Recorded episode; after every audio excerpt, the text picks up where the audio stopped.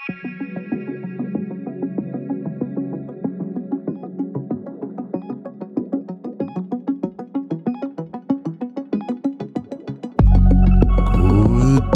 velkommen til øh, Kontrolrummet.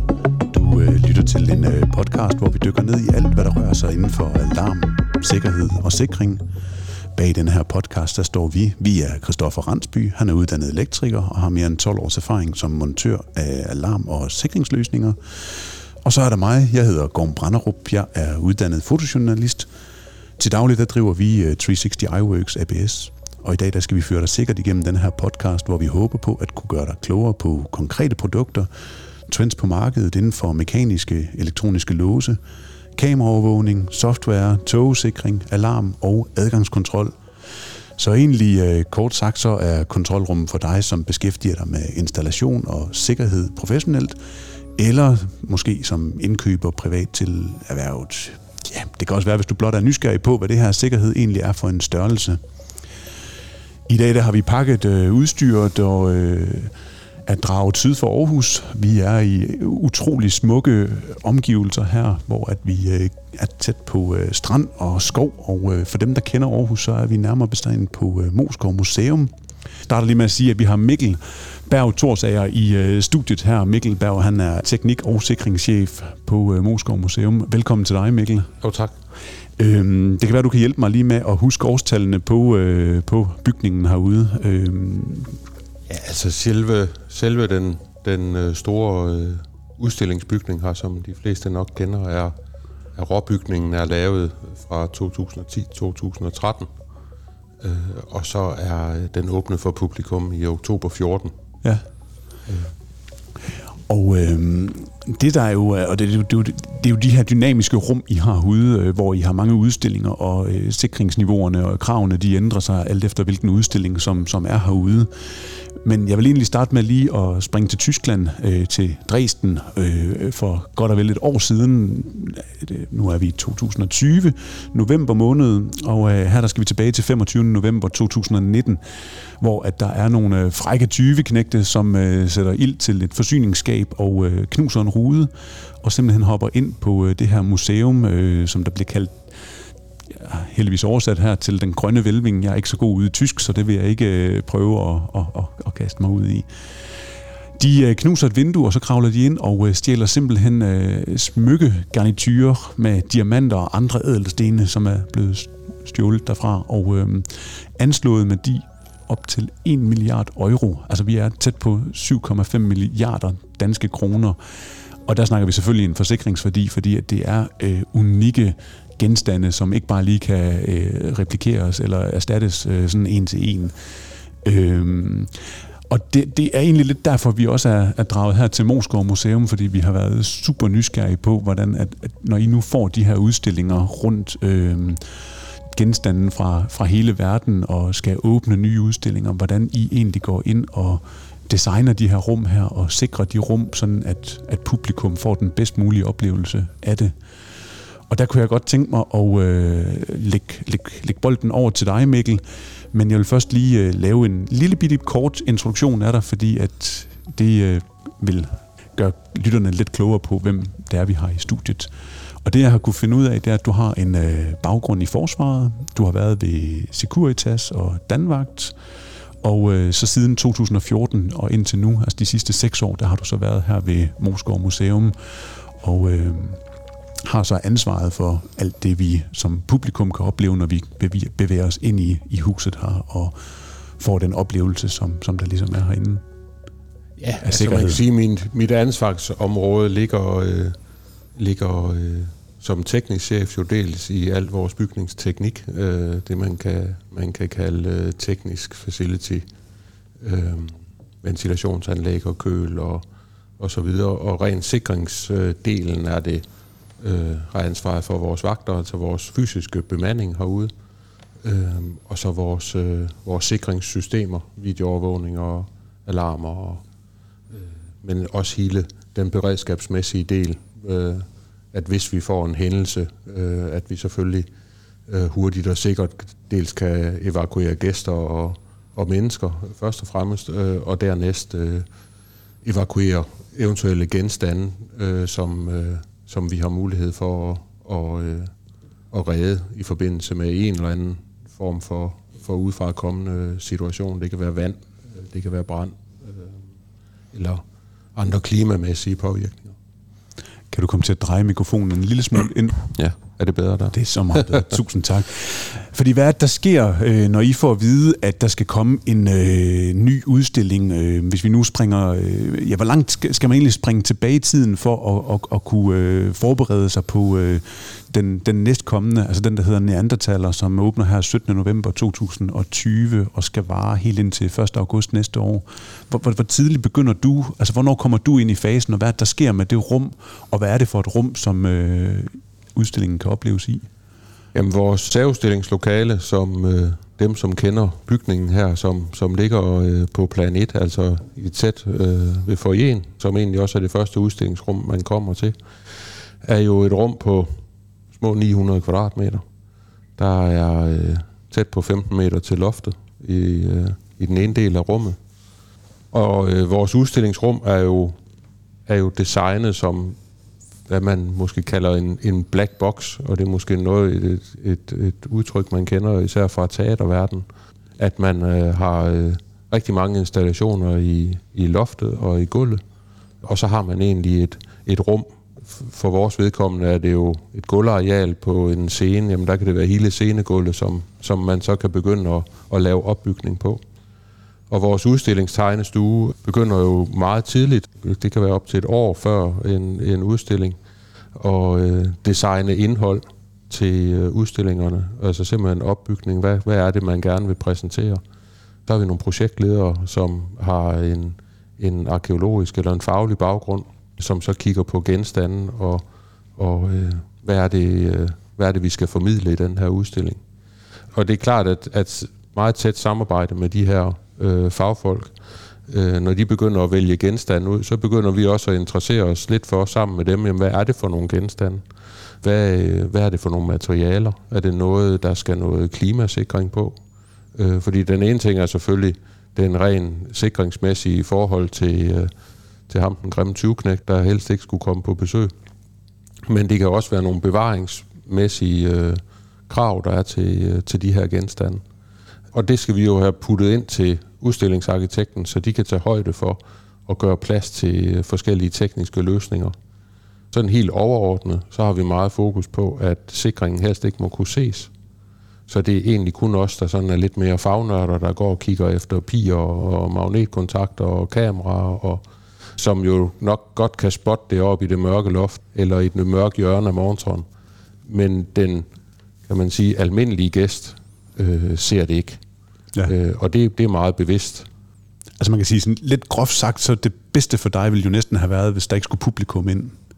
Det er helt klart, at hvis man har øh, en genstand, som nu, nu nævnte du øh, smykkerne hernede fra, øh, fra Tyskland, og det er helt klart, at har man, man sådan en genstand, som både man må sige kan være interessant for nogen at stjæle, med, og som har en meget høj forsikringssum øh, i kraft af, at det nok er noget unika, hvis man skal passe på det og kigge det fra et sikringsmæssigt synspunkt, så er det selvfølgelig nemmest bare at putte det ind i en kæmpe stor øh, pengeskab med rigtig mange lås på, og så sætte det dybt nede i det fjerneste magasin, låse døren og sige ingen adgang. øh, det harmonerer bare ikke særlig godt med, med øh, museumsloven, hvor vi, hvor vi er forpligtet til at, for, at formidle kulturarv, og vi er også forpligtet til at, at stille forskellige genstande til rådighed for forskning, blandt andet. Og det gør jo, at, at øh, at vi er nødt til, eller forpligtet til, og det er jo også det, vi er sat i verden for, at vise tingene frem. Og gerne så langt, eller så tæt på publikum, at man får en fornemmelse af, at, at man, man godt kunne røre. Selvom de langt de fleste jo godt ved, og aldrig kunne finde på, og rent faktisk gøre noget aktivt for at komme til at røre ved den her genstand, men, men man kommer så tæt på, at øh, man får en følelse af, at man, man er øh, man er virkelig tæt på den her, den her genstand og den her historie, der bliver fortalt. Det bliver måske, historien bliver måske ved at vedkommende på den måde. Ja. Altså, vi er jo, øh, vi er jo som sagt her syd for Aarhus. Jeg, jeg spiller lige denne her.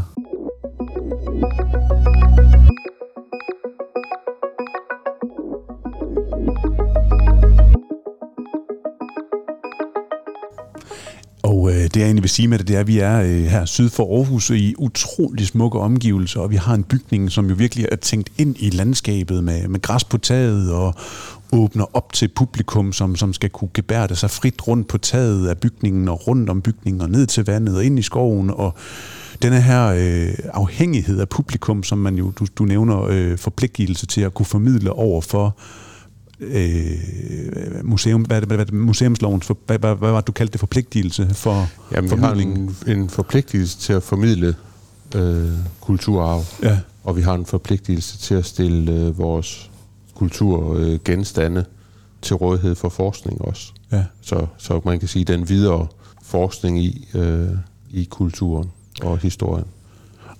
Det er jo øh, ud fra et sikringsmæssigt perspektiv, og det er jo et super fedt dilemma at stå i, fordi at, at man på den ene side gerne, som du siger, kunne, kunne sætte noget ned i det fjerneste magasin, og så skal man ikke have det fremme, men, men den forpligtelse gør jo bare, at det skal man. Og det betyder jo også, at øh, kommer man uden for åbningstid, jamen så står der jo en øh, betonklods her, som er sikret på alle mulige måder, og åbningstiden, så kommer man så ind, og man får faktisk sådan, det er meget diskret, det er meget fine detektorer og, og ting og sager, som harmonerer med, med lokalerne, man går rundt i.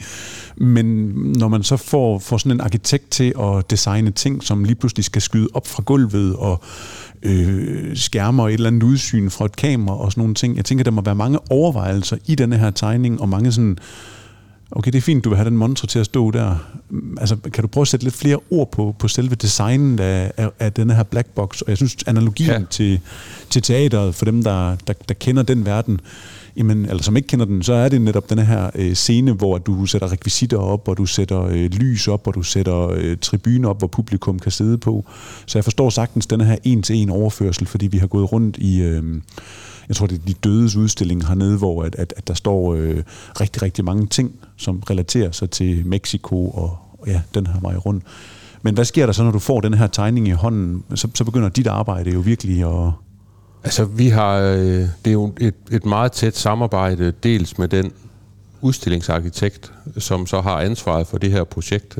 Og det kan, øh, vi har vores egen udstillingstegnstue her på Mosgård, øh, og der er både nogle, nogle gennemgående profiler, men vi kan også have nogle projektansatte inde øh, til, til bestemte udstillinger. Men de er her jo for helt fra start af, og, og har jo også en viden om, kan man sige, at, at øh, designe den her udstilling.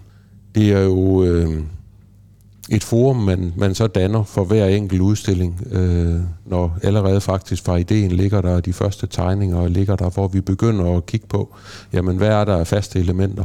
Er det de her montrer, som kan skærme for udsyn? Og, øh, og vi har selvfølgelig en, en basisinstallation i vores rum, øh, med noget skalsikring og nogle rullegitter og nogle piger, som, som ligesom er givet på, på skallen.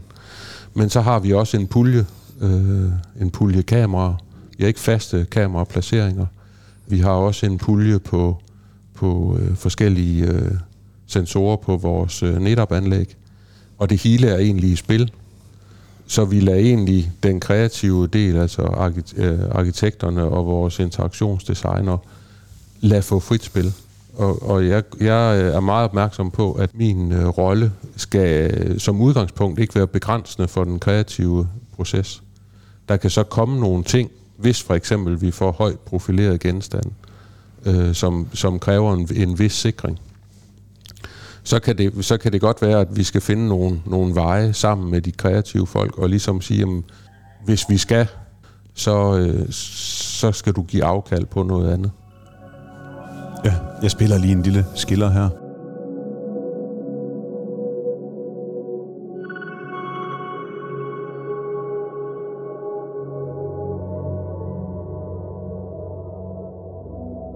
Vi øh, er tilbage igen her, fordi du, øh, det er jo faktisk øh, fra Vitani, Lars Kornbæk, som, øh, som har sagt, at vi skulle prøve at tage fat i dig, som også har været den tidligere gæst her i kontrolrummet og, og snakket om netop øh, netop-anlægget, hvor han sagde sådan, at, at det, det, det er sgu spændende, de rum, som I har ude på, på Moskov Museum, og, og det var egentlig også derfor, vi ringede, fordi at Ja, du kom for det her med, med de her højprofilerede genstande, som måske kræver en, en, en særlig sikring, og øh, så ved jeg også, at der er noget omkring den her busbaserede løsning, som der så er i gulvet, og vil vil du prøve at komme, komme lidt tilbage på, på nogle af de ting? Ja, øh, altså hvis vi går tilbage til den her den her black box øh, konstruktion, øh, så er hele tanken, at, at man egentlig har en, en fuldt udstyret, øh, hvad skal man sige, legeplads til at, øh, at designe en given udstilling.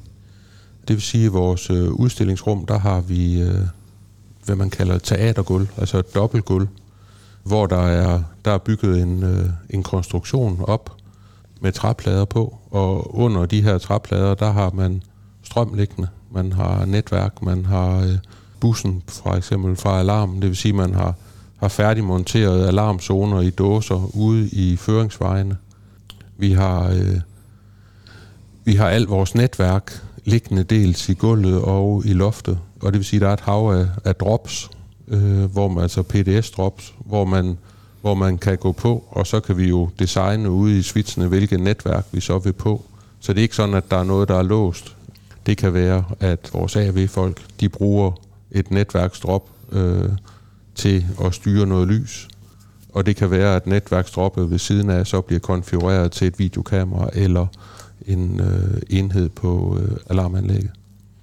Øh, så på den måde er, er øh, hele opbygningen af rummet tænkt som, at vi har nogle puljer, og det kan være puljer af projektorer, lys, øh, af sikringsgenstande, det kan være klimaføler, og det kan være kameraer. Og så designer vi det simpelthen helt fra bunden af, sådan at vi øh, på den måde minimerer netop det her med, at der sidder et kamera, fordi det sidder nogle gange her, øh, og så vil arkitekten gerne have en, en montre lige foran, og så kan vi ikke bruge det kamera til noget. Så, så der designer vi simpelthen kamera på placeringerne. Det giver noget ekstra kabeltræk, men det gør også, at, at vi har en, en fuldt trimmet installation, hver gang vi så åbner en udstilling, hvor vi udnytter øh, vores ressourcer maksimalt. Det er jo altså det her med, at det ikke er teknikken, der definerer, hvorhen montren skal stå, eller hvordan publikum skal have sit flow rundt i udstillingen, men at, at man kan bruge den her formidling til at give publikum en rejse i tid og historie og oplevelse og sanser og sådan nogle ting, som ikke skal dikteres af, at kameraet lige pludselig mister et udsyn. Det er sgu, øh, det er sgu ret godt tænkt i forhold til at, at designe rummet. Kristoffer, jeg kigger lidt over på dig, fordi at, øh, der er noget med det her, øh, altså hvad er fordelen med, med, med bus, og hvad betyder bus for sådan en som mig, der måske ikke helt er, er inde i den øh, terminologi? Fordelen ved, at et system det er busbaseret, det er, at det gør det meget nemmere at sætte flere øh, øh moduler på bussen. Så hvis du lige pludselig løber tør for, for zoner på de zonekort, der altså, er sat i derude, så kan du sætte en ny på, og så har du zoner ekstra til det, du skal. Øhm, ja, det er en, den store fordel. Jeg synes, det er super fedt med, med det her dobbeltgulv, og det betyder også, at man har tænkt sikringen ind i, i hele bygningen, altså fra før bygningen blev bygget. Det er ikke noget, man bare lige går ud og, og laver efterfølgende. Så det, det synes jeg, det er super fedt. Det må også være, øh, det må være spændende øh, arbejdsplads at arbejde i, fordi at, at, at, at øh, altså vi møder jo mange gange, som når, når vi kommer ud øh, til, til nogle kunder, jamen de er meget låste af deres rum og deres hus, og hvordan øh, bygningen ligesom dikterer, hvordan at, at, at de ligesom, man, man kan gøre noget her. Så det må være fedt at kunne bare trække en ny udstilling ind og så sige, jamen perfekt, øh, publikumsoplevelsen er altså bedst på denne her måde. Men, men, men det må også give nogle udfordringer, fordi at der er nogle ting, der jo så øh, har større værdi, og der er nogle ting, som publikum skal føle, at de kan komme tættere på. Og øh, når man ser film, så, så ser man jo det her grid af laser, der skyder hen igennem og sådan nogle ting. Øhm, og, og, og, og nu er vi gået rundt her, og, og, og, og det har vi jo selvfølgelig ikke oplevet, fordi de, der ikke er nogen på, på det niveau lige nu, fordi det kræver en masse programmering. Men du siger også, at I har mulighed for at, at lave de her forskellige øh, sikringer øh, af montre og sådan nogle ting.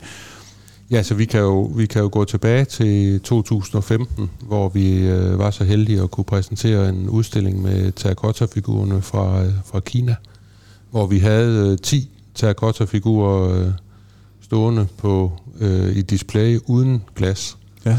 Øh, og det var... Øh, og det er de her hele figurer af, af, af, altså, af ler, altså lerfigurer, ikke også, som, som øh, er meget detaljeret øh, og meget skrøbelige det var meget vigtigt for, øh, for vores udstillingsarkitekter at, at, at få den her fornemmelse af, at man kunne komme rigtig tæt på. Og, hvis, og øh, fordi figurerne også var så store, så var der også noget, altså det ville blive en voldsom øh, glaskasse, der skulle laves, hvis øh, de skulle være derinde i. Så der, der øh, blev designet en, øh, en sikringsløsning, hvor vi de stod på nogle podier.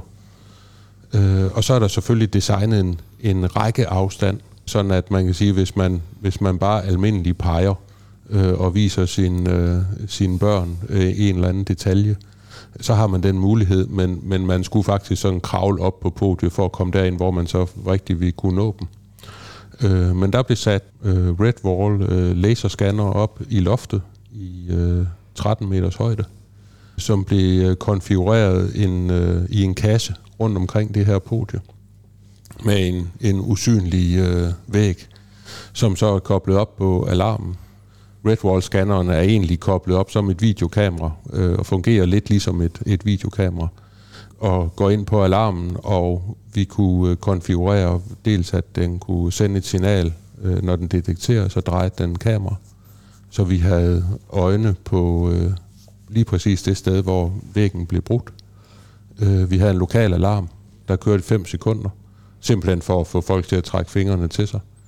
Og vores øh, vagtrum, øh, som sidder med live billeder af det, øh, og radiokontakt til vagten i rummet, øh, så havde vi garanteret en øh, responstid på 10 sekunder til en, øh, en given hændelse på øh, ved figurerne. Ja. Øh, og det holdt vi hele perioden. Øh, vi havde mange, hvad kan man sige, utilsigtede alarmer, netop det her med, at man lige ville pege, og, og folk bliver, bliver jo måske lidt, øh, lidt jeg tænker, man kan sammenligne det lidt med en, med en hund, der knurrer, altså snager, sådan enten snapper. Ja.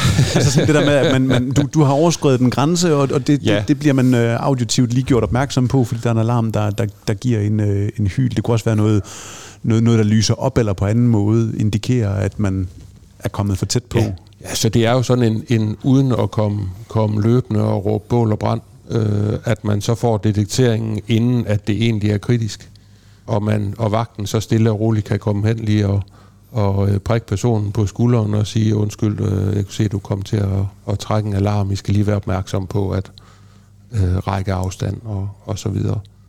Så på den måde øh, gav det jo også en mulighed for netop at få den her meget tætte oplevelse. Hvis man kommer ned og ser terracotta-figurerne i Kina, så står man op på sådan en platform, og så står det der hav af figurer der øh, nedenunder, ja. og der kan man faktisk ikke komme helt så tæt på dem. Indgangsscenen, kan man sige, til den udstilling, var en knælende bueskytte-figur, hvor man faktisk oplever, at man lige kommer ind ad døren, og så sidder han bare lige der foran. Øh, og det, hvis vi sådan spørger folk tilbage, så er det egentlig det, de, de, de husker bedst. Det er det der med, at man allerede man får den lige op i hovedet til at starte med, og man, man får den her nærhedsoplevelse øh, i udstillingen. Jeg husker, jeg har været inde og se en udstilling med Genghis Khan for en års tid eller noget siden. Ja. Øh, og det var også en, altså virkelig, hvor man kommer ind i denne her øh, hytte-energi øh, inde i midten, og man kigger op i stjernehimmel. Altså, i er jo enormt dygtige til at designe de her rum, og så man får følelsen af, at man netop godt kan røre ved tingene. Og, og, og, og det er jo det, som, der, altså, som er interessant ud fra et sikringsmæssigt perspektiv, det er jo at give publikum denne her følelse, at de ikke er bag eller uden for glasset, eller hvad man skal sige. Så jeg kan godt følge det publikum, du siger, du har spurgt i forhold til den knælende øh, figur der. At, der føler man også, at man er tæt på. Jeg så den desværre ikke. Jeg kunne godt tænke mig sådan, altså når man så er et museum, og man har de her øh, 15.000 kvadratmeter, øh, hvor at, hvad er det, en 6.000 som publikum, de kan, de kan gå rundt på. Det er jo store omgivelser, og det må også kræve øh, en masse personale, som man, man, man både skal have en, en eller anden form for øh, vagtfunktion, men de skal vel også have en en service-minded uddannelse til at møde publikum, der hvor at, at de er i deres fordybelse og oplevelse af den formidling. Hvordan, øh, hvordan giver I dem den der øh, konduit der til at, at møde publikum? Altså man kan sige, at vores, vores vagter, øh, som vi egentlig startede med at, at udvikle som, som lidt koncept, øh, hvis man sådan kigger tilbage i museumsvagter og kustoder, eller hvad man kan finde på at kalde dem rundt omkring, øh, så er der meget forskel på, om, om for eksempel er et kunstmuseum, som, øh, hvor de har en typisk nogle meget højere forsikringssummer. De kan i hvert fald have det. Man er nødt til at... De har også det her med, at, at man skal have en nærhed, og helst ikke vil have glas foran, og, og sådan noget. Så, så, så der er man der ser man typisk, at man har rigtig mange vagter. Der står næsten en vagt i hvert rum. Her ved os, der har vi jo i med, at, at rigtig mange af vores udstillinger trods alt er bag ved glas. Så arbejder vi øh, med det, vi kalder sådan en servicevagtfunktion. Og det kan godt være min, lidt min baggrund fra Securitas, hvor jeg også arbejdede med, med servicevagter og gågadebaserede vagter, hvor man siger, at vi er egentlig ikke så stationære. Vi har en rigtig, rigtig stor mængde teknik i den her bygning, som vi kan basere os på. Rigtig mange kameraer og øh, et rigtig bredt synsfelt. Vi har også øh, alle vores alarmpunkter op med en grafisk brugerflade fra, øh, fra NetApp, som hjælper os rigtig meget til live-overvågning. Og det vil sige, at vores vagtrum ved, hvad der foregår i bygningen. Og de kan så koordinere de her mobile vagter, som så er ude i udstillingerne. Og det er selvfølgelig lidt afhængigt af, hvor mange gæster vi har i huset, hvor mange, øh, hvor mange vagter vi så har på gulvet.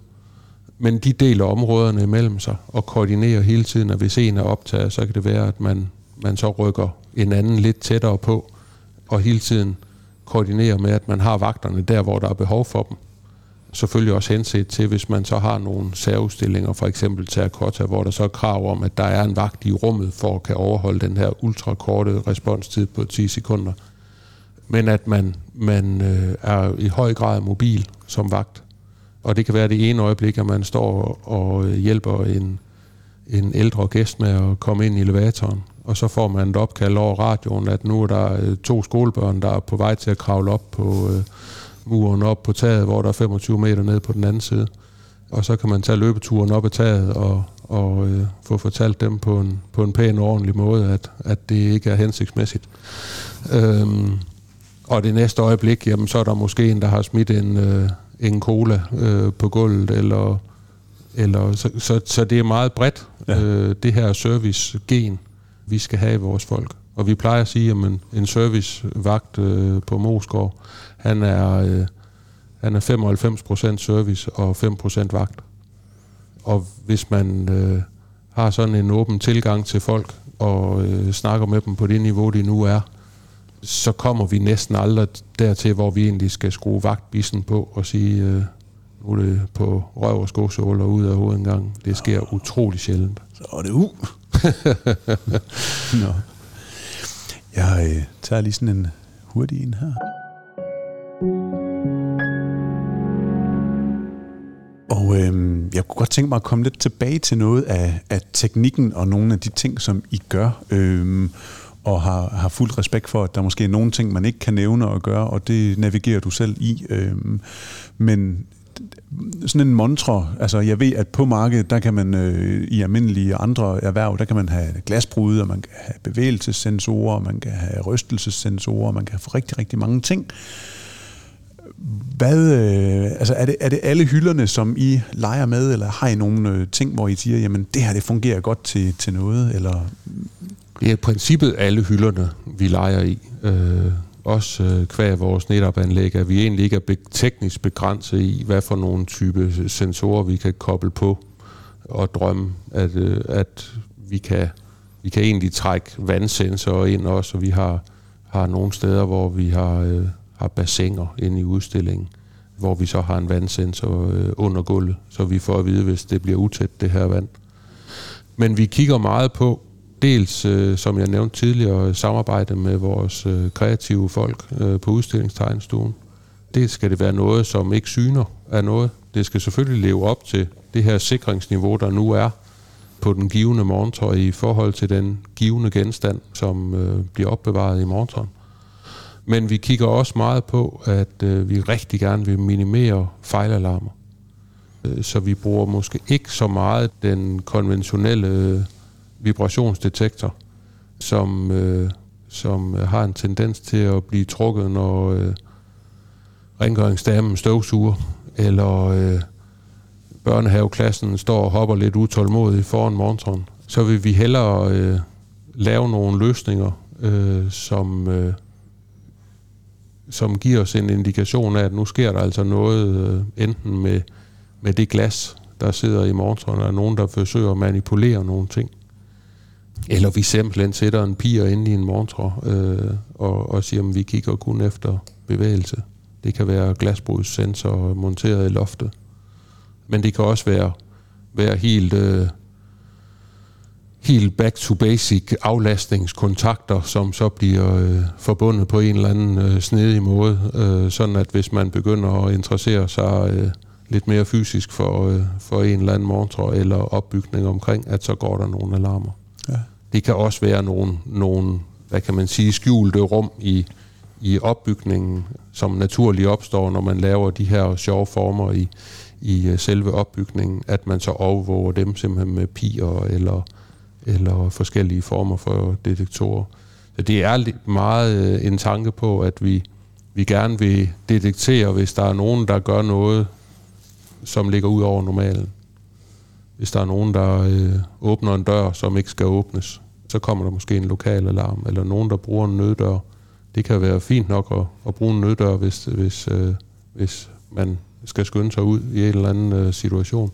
Men vi vil rigtig gerne have en alarm på det, så vi netop så, så kontrolrummet eller vores vagtrum hele tiden kan forholde sig til, hvad der sker i bygningen, og hvis der er den mindste tvivl, så sender man fysiske øjne frem og kigger på det. Ja.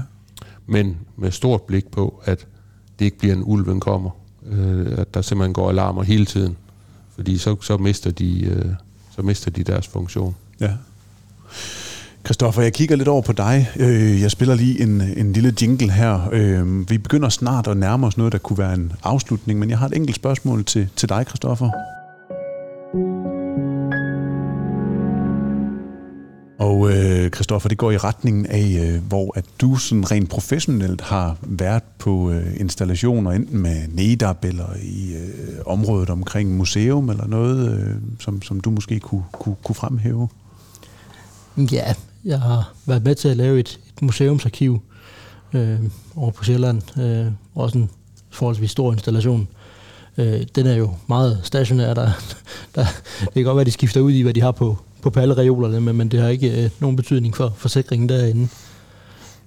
Så det er jo også et stort netop-anlæg i, i niveau 50, så der kan du heller ikke ja, hverken gemme dig eller åbne en dør, uden der er nogen, der ved det.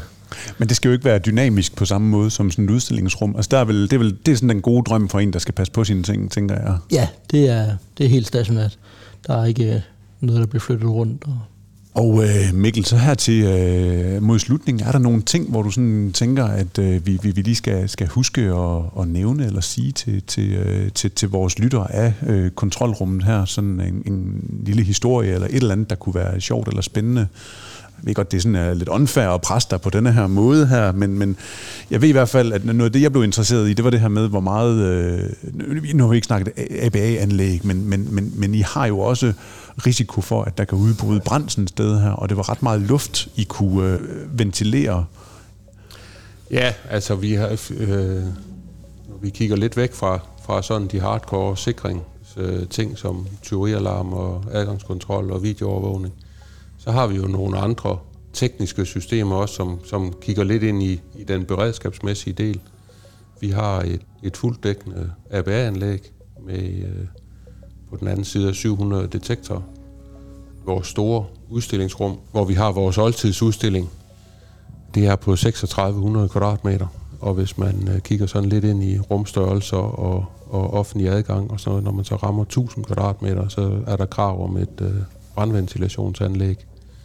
Til dem, der ikke ved så meget om det, så, så det det gør, det er i tilfælde af en, en fuld brand, så suger det røggasser ud, og det vil sige, at temperaturen ikke overstiger 400 grader i rummet, og det giver, giver røgdykkerne en, en udvidet mulighed for at arbejde i rummet. Så, så vi har et ventilationsanlæg øh, dybt nede i kælderne, som vi håber, vi aldrig nogensinde kommer til at bruge.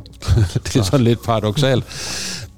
Når det kører øh, fuld skrue, det er sådan et on-off anlæg, så flytter det cirka 250.000 kubikmeter luft i timen sagde du 250.000 kubikmeter ja. luft i ja. timen. Det er saftsus med et ordentligt blæs på motorvejen, skulle jeg til at sige. Hvis vi kigger på vores øh, almindelige klimaventilationsanlæg, som laver klima i rummet, så flytter det cirka 50.000. Der er øh, noget sus på. Jeg kan huske, at vi skulle åbne bygningen, inden vi sådan skulle åbne for publikum, og man ligesom havde bygget alle udstillingerne færdige, og alle de her lette vægge var bygget op så skulle, man, skulle vi teste det her brandventilationsanlæg sammen med rådgiverne. Og man var faktisk reelt bange for, at når man startede det, at der var noget, der vi vælte ind i udstillingen. Så øh, jeg kan huske, at man øh, tømte hele udstillingen. Det var, jeg skal sige før, at, at øh, der var åben for publikum. Og så var vi øh, fire mand, som øh, ligesom blev udpeget til, at, at vi skulle være inde i rummet og ligesom se, øh, hvordan det skete, og vi skulle måle nogle lufthastigheder, og vi havde nogle rådgivere med, og nogle ventilationsfolk, og nogle af vores, vores øh, brandteknikere. Øh, og vi blev udstyret med hjelm, og vi, vi overvejede meget grundigt, hvor vi stod henne, øh, simpelthen for at sige, når, når nu det hele det vælter. Og så tændte man for anlægget, og så kommer der frisk luft ind, men så skete der ellers ikke andet. Og her bagefter, når vi kender bygningen bedre og anlægget bedre, så, så kan man godt trække lidt på smilebåndet af det, men, men man havde simpelthen så stor respekt for, øh, for de muskler, der var i det anlæg der, ja. øh, at, øh, og det er lidt sjovt at, at kigge tilbage på. Altså jeg sidder også sådan, da du begynder historien, så forestiller jeg mig også sådan en kartoffel, der ryger igennem sådan en pomfritmaskine, ja, den bliver suget igennem. Altså. Wow. Og det er, øh, det er noget, øh, vi, vi tester det selvfølgelig en gang imellem, øh, men, men det er stadigvæk et tilløbsstykke, hvis, øh, hvis øh, de lokale indsatsledere eller holdledere fra brandvæsenet, hvis de kan få planlagt det, de vil rigtig gerne være herude, når vi kører med det, fordi øh, det er det ikke så mange steder, man kan se så stort et anlæg øh, i drift. Jeg tror også godt, jeg kan den dag. jeg skal huske at ringe. Øh, Mikkel, det var, øh, det var utrolig spændende at høre om, hvordan at man, man, man skaber øh, udstillinger for publikum, så de får den bedst mulige oplevelse i så smukke omgivelser her syd for Aarhus. Jeg ved godt, jeg bliver ved med at fremhæve det, men, men for folk, der ikke kender Aarhus, så er øh, Moskov Museum et udflugtsmål og et yndet udflugtsmål, fordi man kan gå op ad taget, og man kan gå, er det en 25 meter op i højden af en lang, lang, lang, lang, lang skråning og nyde sin madpakke med udsigt ud over det meste af den sydlige del af Aarhus. Og så kan man også komme ind og få nogle øh, fine, fantastiske oplevelser inde i øh, museet. Og, og, og det er jo det, hele afsnittet her har handlet om, og jeg synes, det har været spændende at høre, hvordan I har øh, brugt øh, NetApp-anlægget, og hvordan I har designet alle de her infrastrukturer til at kunne øh, være så dynamisk, som, som I er i, i, i noget, som er så uvurderligt og så unikt og unika, og noget, man virkelig bare skal passe på for, for eftertiden, og kan give flest mulige oplevelsen af at, at komme tæt på. Så det har været et, øh, et spændende besøg, synes jeg, af, fra vores side, øh, og håber helt klart, at vi kan komme ud og møde flere, som øh, tænker ud af boksen og tænker, hvordan at de, kan, de kan lave sådan nogle løsninger her. Så jeg vil egentlig sige øh, tusind tak for øh, din tid og for den her fine omvisning, som vi har fået herude. Og så vil jeg øh, sige, at øh, du har lyttet til et afsnit af Kontrolrummet, og hvis du kunne lide det, som du har hørt, så må du endelig ikke tøve med at give os en anbefaling, enten i iTunes eller til venner og bekendte, fordi at øh, vi prøver egentlig på at samle indhold, som kan hjælpe med at oplyse branchen om, hvordan at man bruger de her produkter bedst muligt. Og som altid, så er du velkommen til at ja, kommentere på, hvad vi har lavet inde på Facebook. Og så skal jeg huske at sige tusind tak til Henrik Palke Møller, som hører den musik, som vi lige er gået ud af. Tak for i dag. Tak for i dag. Tak for i dag.